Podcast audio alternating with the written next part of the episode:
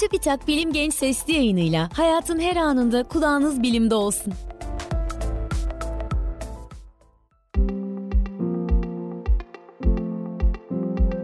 Uzaya ve bilime meraklı dostlar merhaba. TÜBİTAK Bilim Genç Sesli yayınının bu bölümünde uzay çöpü sorununun bugün geldiği noktayı ve başlıca çözüm yollarını konuşacağız. Ancak bu sesli yayının hemen başında sanırım şunu söyleyebiliriz. Önümüzdeki yıllarda gece gökyüzünde göreceğimiz parlak noktaların birçoğu ne yazık ki yıldızlar değil de güneşten aldığı ışık nedeniyle belli bir süre boyunca parlayan yapay uydular olacak. Nitekim yörünge giderek kalabalıklaşıyor. Sputnik 1 uzaya başarılı bir şekilde gönderilen ilk yapay uydu olarak bilinir. 1957 yılında uzaya gönderilen uydu, başarılı bir şekilde dünyaya radyo sinyali göndermiş ve 3 hafta boyunca çalışmıştı. Aradan geçen 65 yıl boyunca gezegenimizin etrafındaki yapay uydu sayısı inanılmaz bir hızla artmaya devam etti. İletişimden bilimsel ve askeri amaçlara birçok alanda çalışan bu uydular hayatımızı kolaylaştırdığı kadar büyük bir sorunun kaynağı haline de geldi.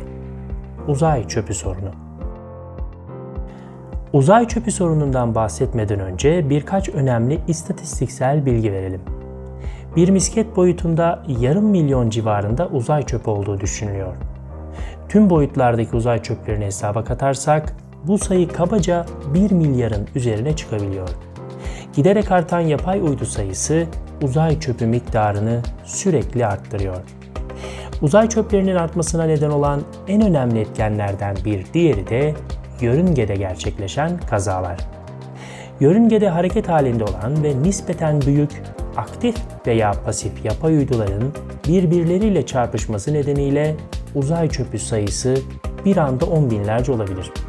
Nitekim iki yapay uydu çarpıştığında çok daha küçük sayısız parçaya bölünecektir. Tarihte böyle çarpışmalar olmuştur. Uzay çöplerinin neredeyse tamamı yer yüzeyinden 200 kilometre ile 2000 kilometre arasındaki yüksekliklerde bulunur. Uluslararası Uzay İstasyonu 400 kilometre yükseklikte bulunuyor. Yapımı devam eden ve yapımı planlanan diğer uzay istasyonları ve uzay otelleri ise yaklaşık 400-500 kilometre yükseklikte olacak. Yani astronotlar veya uzay turistleri uzay istasyonuna veya uzay otellerine giderken uzay çöpüyle dolu bir bölgeden geçmek zorunda kalacaklar. Bu da uzay çöpü sorununun en fazla tehdit ettiği insanların uzay seyahati yapacak insanlar olduğunu gösteriyor.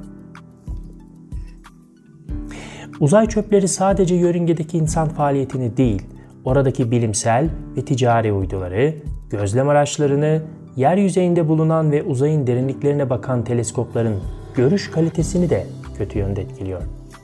Hali hazırda çalışan ve gelecekte uzaya gönderilmesi planlanan daha büyük kütleye sahip yapay uydular veya uzay çöpleri ise dünya yüzeyine kadar ulaşıp bir yerleşim yerine düşebilir. Günümüzde böyle olaylar sıkça yaşanmaya başladı. Güzel haber ise 10 santimetreden daha büyük yaklaşık 27 bin adet uzay çöpünün sürekli olarak takip edilmesidir. Bunlar içerisinde 23 bin adeti 30 santimetreden daha büyük ve saatte 28 bin kilometre hızla dünya etrafında tur atmaktadır. Bu derece aşırı bir hıza bağlı olarak sahip oldukları yüksek enerji nedeniyle bir uzay aracına veya yapay uyduya kolaylıkla zarar verebilirler. Uzay istasyonu bugüne kadar 30'a yakın çarpışmayı önleme manevrası yapmak zorunda kaldı. Çin Uzay İstasyonu ise geçenlerde bir kazadan ucuz kurtulduğunu açıkladı. SpaceX'in Starlink uydularından ikisi uzay istasyonu ile çarpışma rotasındayken Çin Uzay İstasyonu ancak çarpışmaya kısa bir süre kala manevra yapabildiğini açıkladı. Atmosferimize giren belli boyutlardaki uzay çöpleri yanarak zararsız derecede küçük hale gelebilir. Atmosferimiz uzayın ortalama yoğunluğuna kıyasla madde ile dolu çok yoğun bir ortamdır. Atmosferimizde bir küp şekerin hacminde ortalama olarak milyar kez milyar adet molekül bulunur. Ancak uzayda ise aynı hacimde ortalama bir adet atom bulunur. Uzaydan atmosferimize giren nesneler 2000 dereceye kadar ısınabilir. Bu nedenle astronotları yeryüzüne geri getiren kapsüller uygun bir ısı kalkanı ile kaplıdır. Atmosferimize giren bir uzay çöpünü dikkate alalım. Sahip olduğu yüksek hızla atmosfere giren uzay çöpünün önündeki hava çok hızlı bir şekilde sıkışır ve bu sıkışma nedeniyle o bölgede ısı artar. Bu da uzay çöpünün ısınmasına ve yanmasına neden olur. Ancak uzay çöpünün parçalanmadan veya zararsız hale gelmeden yere ulaşıp ulaşamaması birçok faktöre bağlıdır. Uzay çöpünün atmosfere giriş hızı, giriş açısı, kütlesi ve çapı önemlidir. Peki hem yer yüzeyinde hem de yörüngede bir tehdit haline gelen uzay çöpü sorununu çözmek için neler yapılıyor veya yapılması planlanıyor?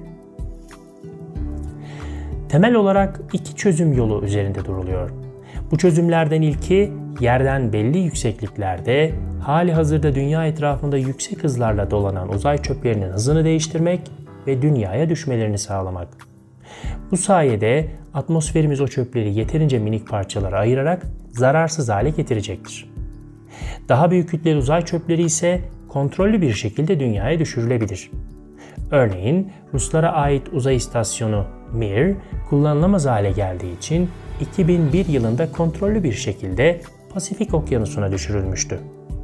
Halen çalışan Uluslararası Uzay İstasyonu ise 2030 ile 2040 yılları arasında kontrollü bir şekilde okyanusa düşürülecek. Şu an planlanan bu. İkinci ana çözüm ise uzay çöplerini dünyadan uzakta güvenli bir mesafede bulunan bir yörüngeye taşımak. Uzaydaki yapay uydu sayısı ve özellikle kütlesi büyük yapay uydu sayısı arttıkça böyle bir yöntemde çözüm olabilir. Nitekim dünya etrafında yer alan yapay uydu sayısının her geçen gün artması herhangi bir uydunun başka aktif uydularla çarpışmadan sorunsuz bir şekilde dünya atmosferine geri gönderilmesini zorlaştıracaktır. Bu da demek oluyor ki gelecekte uzaya gönderilmesi planlanan uzay araçları, istasyonlar veya yapay uydular görev sonunda onları güvenli bir yörüngedeki uydu çöplüğüne götürecek ilave yakıt ve itki sistemlerine sahip olmalıdır. Bahsettiğim ilk çözüm yönteminin birkaç farklı şekilde uygulanması planlanıyor. Bu yöntemler içerisinde ağ benzer bir sistem ile uzay çöpünün yakalanması, mıknatıs sistemi ile çöpe kenetlenme ve yörüngesini değiştirme, kamçıya benzer bir sistemle çöpün yörüngesini değiştirme gibi yöntemler bulunuyor. Bu sayede uzay çöpleri dünya atmosferine gönderilebilir. Geleceğin uydularının ise atmosfere girdiğinde kolaylıkla yok olabilecek malzemelerden yapılması planlanıyor. Gördüğünüz gibi uzay çöpü için üretilmeye çalışılan yöntemler birçok disiplini içeriyor.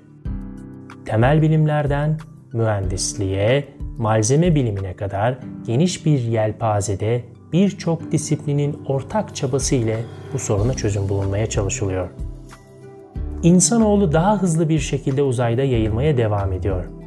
Bu da yörüngedeki uzay aracı veya yapay uydu sayısının sürekli olarak artmasına neden oluyor. Ancak bazı çözüm yolları mevcut. Uzay insanlık tarihi boyunca bizlere ilham kaynağı olmuştur. Eğer çözüm yolları işe yararsa hem yıldızları görmeye hem de sorunsuz bir şekilde uzayda yayılmaya devam edebiliriz. Bilim Genç Sesli yayınının bir bölümünün daha sonuna geldik. Bu bölümde uzay çöpü sorunundan ve o soruna karşı üretilen çözüm yollarından bahsettik. Bilim Genç Sesli yayınının bir başka bölümünde evrendeki yolculuğumuza kaldığımız yerden devam edeceğiz. Şimdilik hoşçakalın.